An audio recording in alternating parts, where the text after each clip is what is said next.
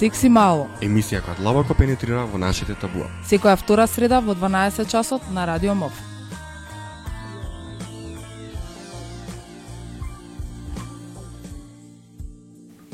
Здраво на сите, уште една среда, 12 часот и 15 минути. А, сега ќе имате таа чест да не слушате, драги наши, само мене и Маца во студиото и си дадовме пред да почнеме во ветување дека ја нема многу да збораме и Маца дека нема многу да збори, затоа што секогаш ги имаме тој проблем кога ја и Маца работиме заедно и ја спремаме оваа емисија. Така да Мацо, а... Благодарам Биле што ми даде да збориме, јас си кажав дека ќе молчам, на вистина молчав. Па да бидеме тренди, да бидеме во тек, радосни сме што го преживеавме крајот на светот, значи помина уште една апокалипса, а, и еве на повтора нас во помал сустав, Маца и Веле со вас на во секси мало. Се надевам ќе уживате. Спремивме се надевам уште една доволно интересна емисија на актуелна тема. А, во принцип, а, убави празници, убаво расположение има, прилично божикно сме расположени и новогодишно со, со маца. А, мада маца малце повеќе затоа што ја не ги, не ги уживам овие многу празници на толку некој големо ниво, но тоа не значи дека сега ќе пуштиме во емисијата Мараја Кери и All I Want for Christmas, сепак си имаме стандарди ке уживаме во еден, а, се надевам уште еден убав мој музички избор кој вас ке ви се свиѓа. Ето така, Ани да си знаеш. Да, Ани да си знаеш кога не идеш да снимаш во Радио МОВ, Велимир Савески одбира музика, така да а, морам да ги задоволам и твоите критериуми. А, Мацо... Веле рече дека нема да збори многу, Значи, пак не му успева. Ова ми го правите во последните 3-4 минути. А, тоа сам може да би дека многу се повеќе збориш од што треба. Верувам дека и були сите останати слушатели кои што константно не слушаат, ќе се сложат со Сега мене, нели? мислам слушатели кимаат Да. главата потврдно. А, Мацо, што ќе слушаме оваа емисија? Не мислам не музика, нема да кажеме затоа што тоа е Леле, мојот дел. никако не би ти го земала, значи, тој твој дел, таа твоја е улога. Музиката, Мацо. А, денес ќе зборуваме за еден актуелен настан кој што се случуваше викендов пред се, а викендот што помена односно, меѓутоа за да не ве откривам одма, да ве држиме малце во неизвестност и да останете малку повеќе фокусирани со вас, ќе ви откриам темата по музичкиот блог кој што нели го одбра Веле. Да, и нема да биде Марија Кери All I Want for Christmas. Ќе биде Уживајте, дечки. Навикате. Ајде музичка пауза.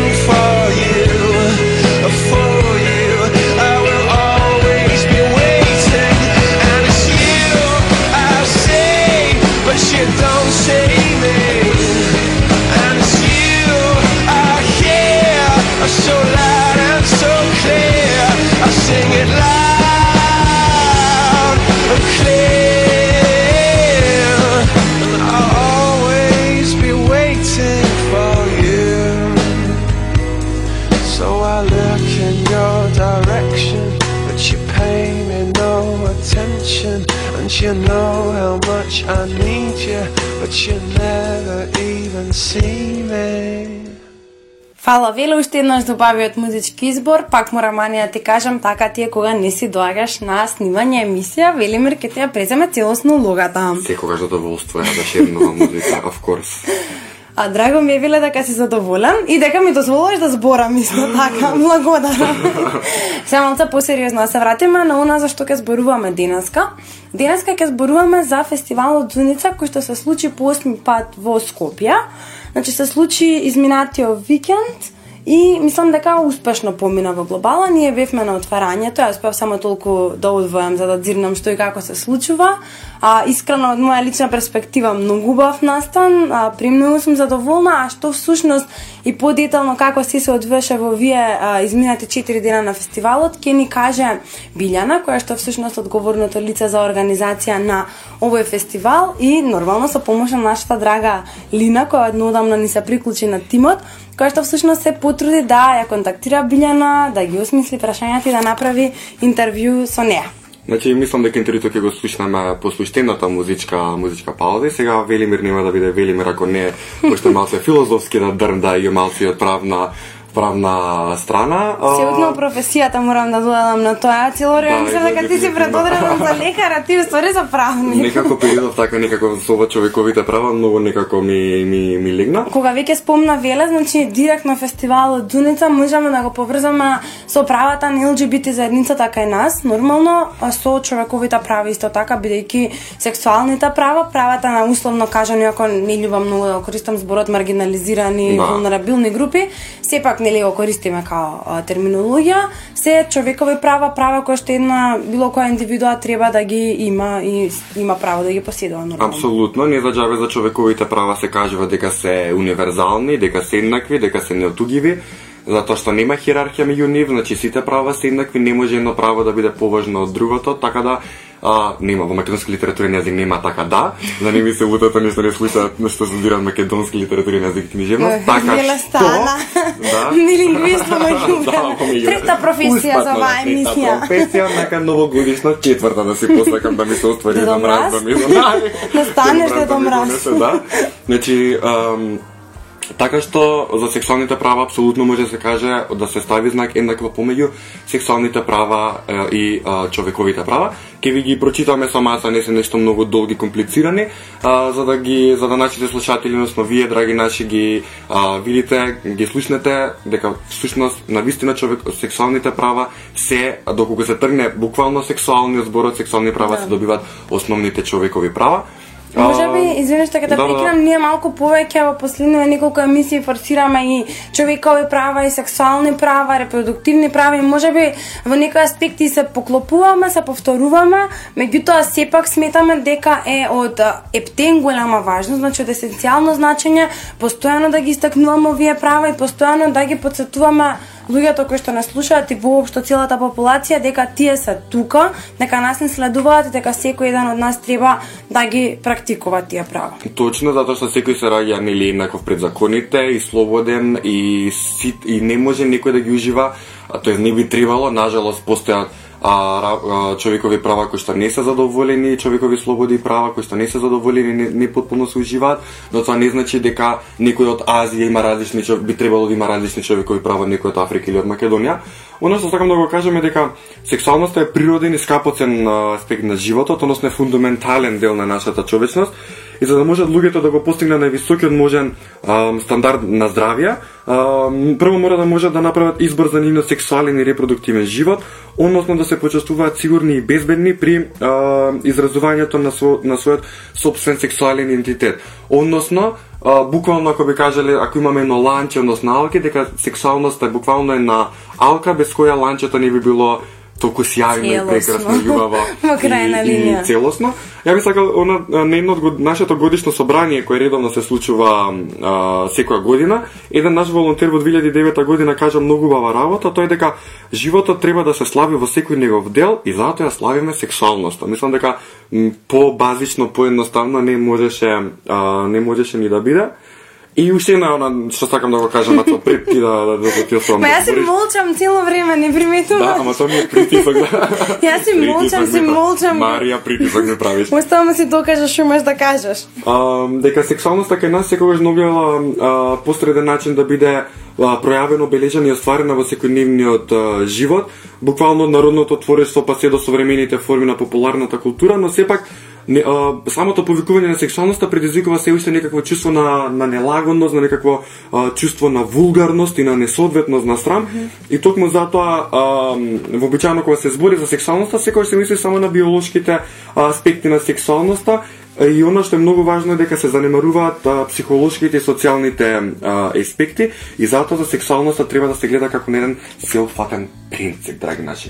А, така, значи, а, буквално треба да гледаме се упфатно на сексуалноста, буквално треба да ги надминеме а, табуата, стереотипите кои што во нашето општество постојат. Затоа ние правиме вакви емисии, затоа се прават а, разноразни кампањи и слично, меѓу кои се прават и напори за подобрување на а, начинот на живот, условно кажано, во рамките на самата ЛГБТ заедница, односно тоа е една од главните пораки на фестивалот кој што а, се случи а, овој викенд а, во Скопје, како што кажав, а, Билјана ќе зборува малку повеќе околу сите тие аспекти на фестивалот, која е неговата цел, која е замислата, зошто, како, нели, од каде се роди идејата, што конкретно се случуваше во вие неколку дена. А, имаше многу интересна трибина, исто така можам да кажам, во рамките на овој а, овогодинешната дзуница, значи трибина на која што се зборуваше не само за ЛГБТ заедницата, се зборуваше и за а, луѓето кои што живеат а, со ХИВ, значи тема која што нас многу не засега. Апсолутно. А, еве, Вела ме поддржува, многу Да, се радувам за тоа. да. А кога зборуваме за ЛГБТ заедницата и, вр... и врската што тие имаат со луѓето што живеат со ХИВ, ја и Вела најдовме едни статистики а, кои што ги позајмивме од IPPF всушност. А, една од статистиките вели дека од 5 до 10% од новите ХИВ инфекции во светот на годишно ниво се случуваат помеѓу мажите кои што имаат секс со мажи, односно дел може условно да се земе дека тие се малечок дел од ЛГБТ а, популацијата а, во светот.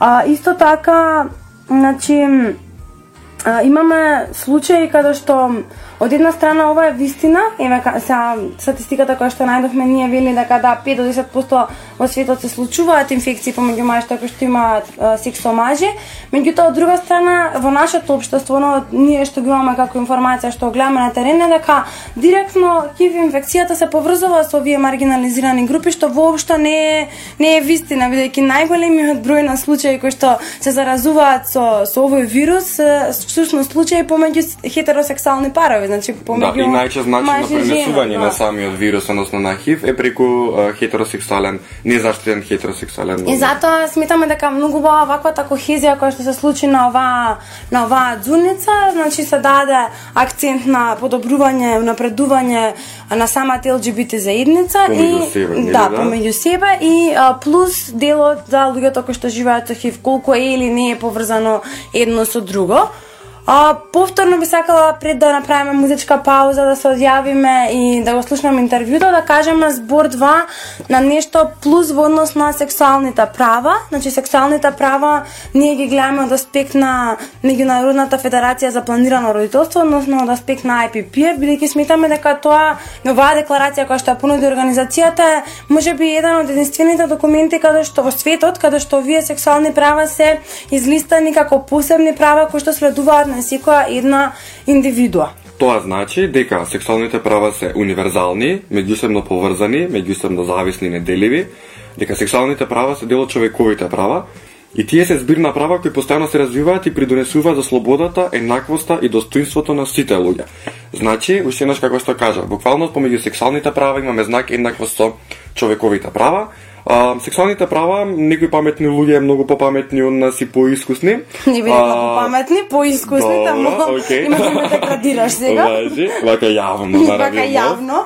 А, имаме а, секс, односно имаат кажано дека сексуалните права се човекови права во однос на сексуалност, имаме 10 члена кои што се а, составен дел. А, односно 10 сексуални права се, ја ќе прочитам а, пет, за да ги да не ги кажуваме онака едноставно и лагано, туку да се придржуваме до некои а, норми. Ама тоа сакаш да не измериш да ги кажуваме? Не, ја те да молам, пет? веле, веле да читај ги Да? петте, ја ќе ги преземам после Ајде, јас останатите ќе ги пет. прочитам првите пет. Значи, член 1, право на еднаквост, еднаква заштита со закон и ослободеност од сите форми на дискриминација врз основа на пол, сексуалност или род. Член 2, правото на правот на учество на сите лица без разлика на полот, сексуалност или родот. Член 3. Право на живот, слобода, лична безбедност и телесен интегритет. Член 4 е право на приватност и членот 5 кажува за правото на лична автономија и на признавање пред закон. Член 6. Право на слободно размислување, на погледи и на изразување, право на здружување. Член 7. Право на здравје и право на користење на научните достигнувања. Член 8. Право на образование и информации. Член 9. Право на избор за стапување во брак и на засновање, планирање семејство и донесување одлука дали да си има деца, кога и како. И последниот член, односно член 10, право на отчетност и надомест. Апсолутно. Ова Значи, сега како- заменува мани слово апсолутно. Како што може да видите, како што кажавме јас и Вела во неколку наврати, практично човековите права се еднакво со сексуалните права, односно сексуалните права се еднакво со човековите права, не секој од нас од нас треба да ги практикува. Оно што важно што сакам да го кажам е дека не може да се збори за а, човекови права, односно за сексуални права, да не се спомнат репродуктивните права. Но исто нешто е важно дека мацо мислам не се лажам дека сексуалните права како такви не се никаде запишани дека постојат, но со самото тоа кога некој ги негира сексуалните права, по автоматизам се поврзува дека тие дека тие постојат. Затоа што не може да постојат репродуктивни права, а да не постојат сексуални права кога тие буквално се а, Врзани, врзани, да, не, неделиви. не, неделиви се, апсолутно, значи не може да постои репродуктивни права, а да не постојат а, сексуални права. Она што е наша работа како хера, она што ние го правиме секогаш а, лобираме сите луѓе да ги живаат основните човекови слободи и права, особено оние кои што се несуваат на сексуалното и репродуктивното здравје. Не за џабе бевме едни од главните кои што учествува на марша на толеранција. Не за џабе цело време лобираме за воведување на собственото сексуално образование, затоа што и самиот аспект на човековите прави на сексуалноста го содржи зборот софатен и сметаме дека треба а, сексуалните права да се изучуваат како такви во некој едно време каде што би имале софатно сексуално образование.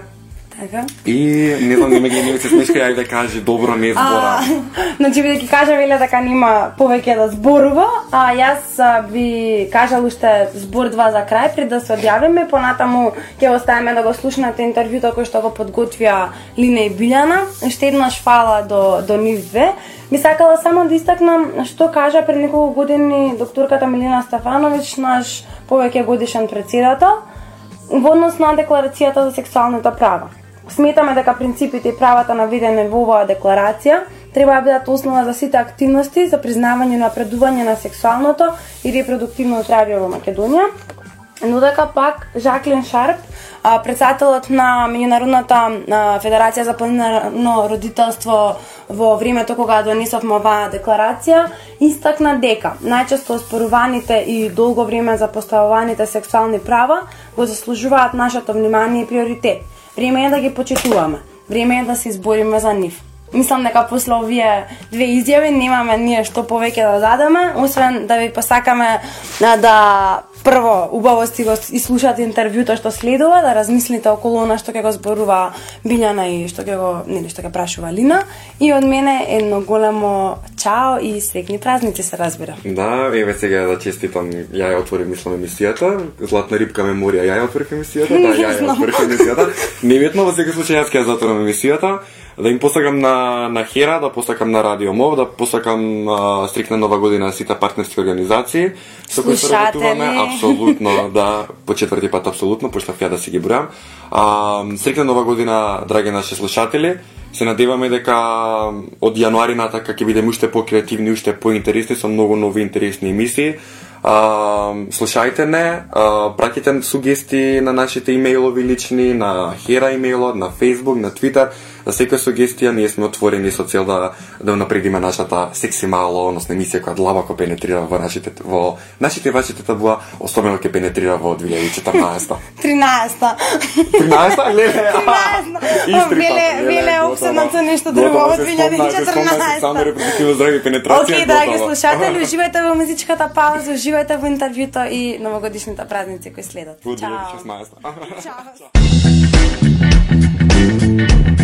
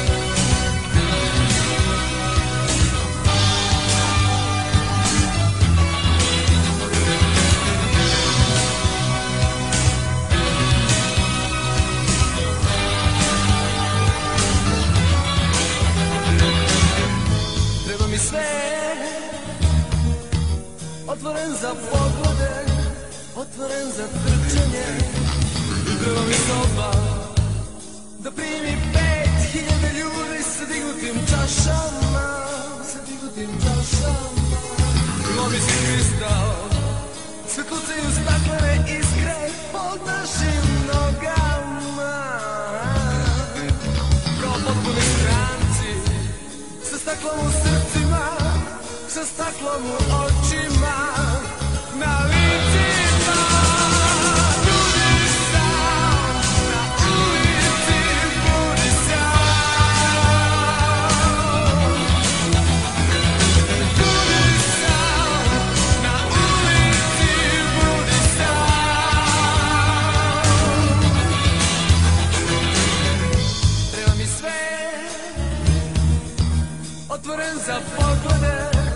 Otvoren za trčanje. I treba mi soba Da primi pet hiljade ljudi Sa dignutim čašama Sa dignutim čašama. Bilo mi se kristal Se tucaju staklene iskre Pod našim nogama.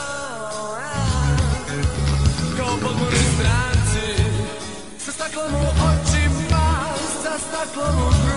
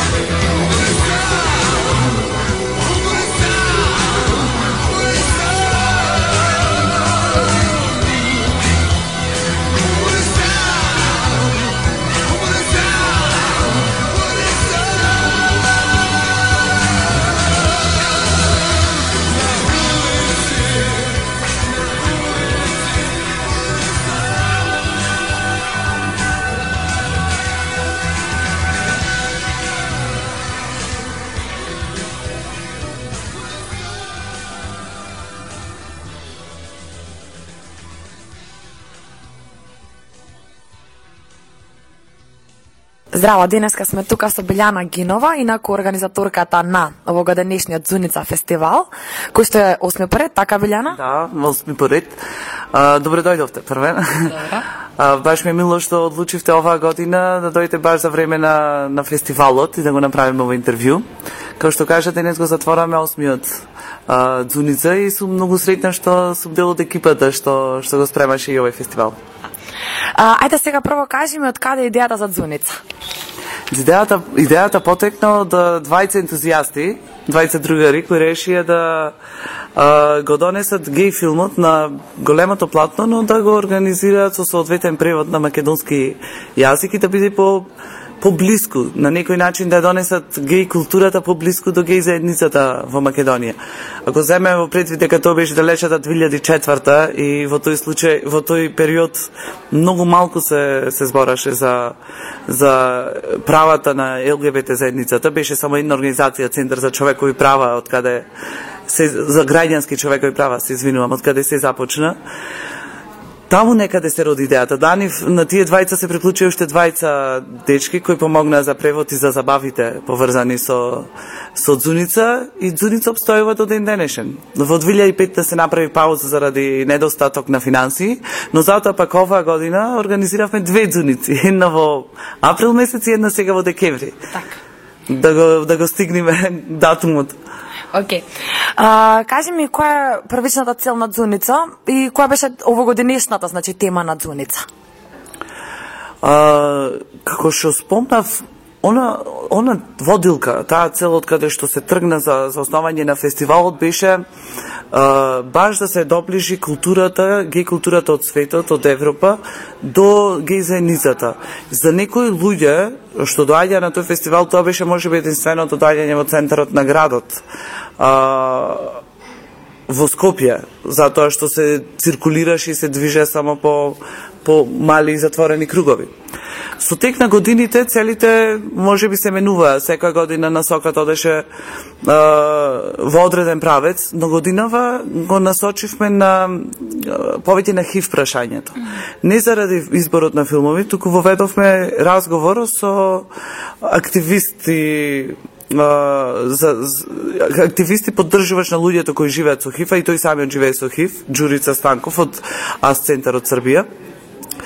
И имавме синоќа многу добра дебата на која присуствува експерти кои работат на ХИВ проблематиката од различни организации од Македонија, пример Даниел Каледжиевски од Хера представувајќи ја заедно посилни или Зулки Јорданов од ЕГАЛ, а и Катерина Спасовска докторката од инфективна клиника, па од различни аспекти разговаравме за која е позицијата на лицата кои живеат со ХИВ во, во Македонија, во Србија, односно во регионот.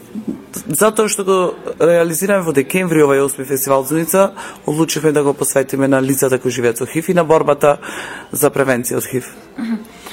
Добро, а како можеш да ми опишеш оваа, значи овогодишната Дзуница, број 8 во споредба со предходните? А, можеш ли да ми кажеш како беше фидбекот, фидбекот од страна на посетителите? Искрено, евалуациите се уште не сум ги прочитала оваа година, ги бериме од секоја проекција, но э, од усната, од усната дискусија со луѓето има различни мислења. Например, минатата година повеќе на некои од учесниците им се допаѓаше тоа што има активистички филм, викаме Трој, минатата година, а, но многу од учесниците пак и реагира на тоа, кажувајќи дека сакат полесни, позабавни филмови. Оваа година имавме полесни и забавни филмови, па дел од се ме зашто нема активистички филм. така да не знам, најверојатно се се задоволни кога ќе ги имаме евалуациите под обработени можам да го споделам тоа со вас. Така. А, еве сега не мораш да ми го кажеш цел репертоар, но ли да ми кажеш од прилика кои филмови се прекажаа и каква беше реакцијата на публиката? А, она што на он, она на што најдобро реагираше публиката е филмот кој го дадовме на отворањето на Дзуница, тоа беше „Джошуа 3, што е висти, се, се тврди дека е вистинска приказна за двојниот живот на Джеймс Нин. Со тоа го избравме тој филм бидејќи ние како здружение Егал, во чии рамки се организира Дзуница, работиме најмногу со целната група, група МСМ, односно мажи кои, кои имаат секс со мажи, а Джеймс Дин, живеејќи го тој двоен живот, повеќе спаѓа во таа, таа група. А, па, од друга страна, тој е икона во, во филмската култура и самото откривање дури сега во, во, дене, во дури во, во нов век дека тој имал двоен живот и за мене беше изненадување за за многу и од заедницата, па затоа може би имаш и најголем интерес за тој за тој филм. Така. Um, дали имате поддршка само од ЛГБТ заедницата или имате од страна на целата популација? Многу добро прашање. Баш и гостинот од Србија што го спомнав Джурица Станков за примети на отворањето на Дзуница, вели вие сите соработувате. Ова не е можно, вели ова се гледа дека е вистински пријателски соработнички однос. А, изненаден затоа што ситуацијата во Србија не била таква. Но покрај заедницата, која е редовна и на, на фестивалот Дзуница, и заради која се организира самиот фестивал Дзуница, имаме голема поддршка од сите организации кои работат на одржување на ниска преваленца на ХИВ, но и од други граѓански граѓански организации и институции. Секојаш доаѓаат тетка Маричи лозан од лаборантите кои кои работат на, на, на тестирање на ХИВ сите, да, доаѓаат од инфективна клиника, од националниот а, како се вика националниот комитет или нешто. А, така да јас искрено сум многу задоволна затоа што тие луѓе се вистински пријатели на Зуница и се тука секоја година. Така. А, можете ли да ми кажете сега, може би е рано, но што планирате за идните изданија на Зуница? Што би направиле поинаку, што би смениле? М, Да, најверојатно е рано, но баш и не е, бидејќи сега имаме слобода било кога да го организираме текот на следната година. Мислам дека оно што најверојатно би го вовеле во идниот Зуница е повеќе работилници повеќе разговори, а, повеќе препораки за активности или акции во заедницата како да се подобрат условите на, на лицата, на ЛГБТ лицата. Можете ли да ми дадете една паралела а, какви промени воведат Зуница во популацијата ЛГБТ и дали општо ја подигна свеста кај луѓето а, во врска со прашањата поврзани со ЛГБТ популацијата? Искрено, тешко прашање. А, јас мислам дека секако има влијание. Било која активност што го вади а, на некој начин квиерот надвор во јавност, има влијание. Иако Дзуница се организира доста во затворен круг и вие тоа најверојатно веќе го знаете, не се рекламира Дзуница на мејнстрим медиумите, затоа што нашата целна група за која е наменет фестивалот се уште се чувства нелагодно да бидат медиумите присутни на на фестивалот. Но прогресот постои, бидејќи, како што кажав пред, предходно, на секој фестивал правиме евалуација и едно од прашањето е што мислите вие дали присуството на медиумите би го подобрило, а, би ја подобрило посетеноста на фестивалот.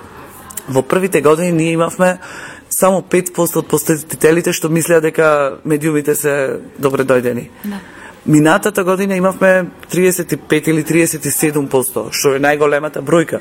Значи, целната група полека полека се подготвува за да излези јавно да се појави дека доаѓа на фестивал, на ЛГБТ фестивал, на фестивал на геј филмови. Мислам дека се подобрува, мислам дека тоа можам да го земам како индикатор дека се подобрува. Од друга страна и целната група на луѓе што доаѓаат на на фестивалот се зголемува од година во година. Па мислам дека и тоа е доволен индикатор. Да, тоа е одлично, само бројката нека расте, да. Um, што може да ми кажеш, дали има вакви слични иницијативи, односно фестивали во соседството, би знаела нешто повеќе за тоа? Не знам многу, но секако дека има фестивали, го имаме во Загреб Queer Festот, го имаме Загреб Pride, кој покрај нели Прайдот организираат еден куп манифестации, ги имаме Белград Pride во, во Србија. И сега знаеме дека на овогодинашната дзуница а, имаше гости од соседството, како ја стваривте соработката со нив? Се сретнав во еден од семинарите за контрапаблик, за а, колку е застапен квиерот во јавноста. И таму се се роди идејата да сработуваме за за овогодинешниот Зуница. Така. Дали има други настани слични на овој фестивал кои што би ги организирале вие како организација, кои што би можеле да исто така да помогнат за подигање на свесноста кај јавноста и да го направат животот на ЛГБТ заедницата? Секако, планираме вакви слични настани надвор од овој фестивалски период на Дуница. Она што а, јас мислам дека се јава како потреба е разговарањето. Разговарањето на, на лицата, представници од целната група со која работиме, на лица од релевантни организации и институции. А, може би во комбинација со некоја проекција на некој филм, но активностите ние ќе ги продолжиме во текот на, на годината секако. Океј, и за крај што можеш да ме кажеш колку си лично ти задоволна од самиот фестивал Зуница? А, и за крај, колку сте вие лично задоволна од самиот фестивал Зуница во годинешниот? Јас сум задоволна. А, Со оглед на тоа што Оваа година ова е веќе трет фестивал Дзуница, бидејќи имавме официјалниот Дзуница во во април во Скопје, а, потоа имавме дел од филмовите, ги проектиравме во Битола, а, направивме втора Дзуница и ова сега е трета Дзуница, посветеноста на на фестивалот расте. Јас сум задоволна. Од друга страна, како што може би напоменав, се зголемува и различ... целната група на луѓето кои доаѓаат на, на фестивалот. Доаѓаат луѓе од веќе повеќе од институции, од организации, покрај представниците од целната група.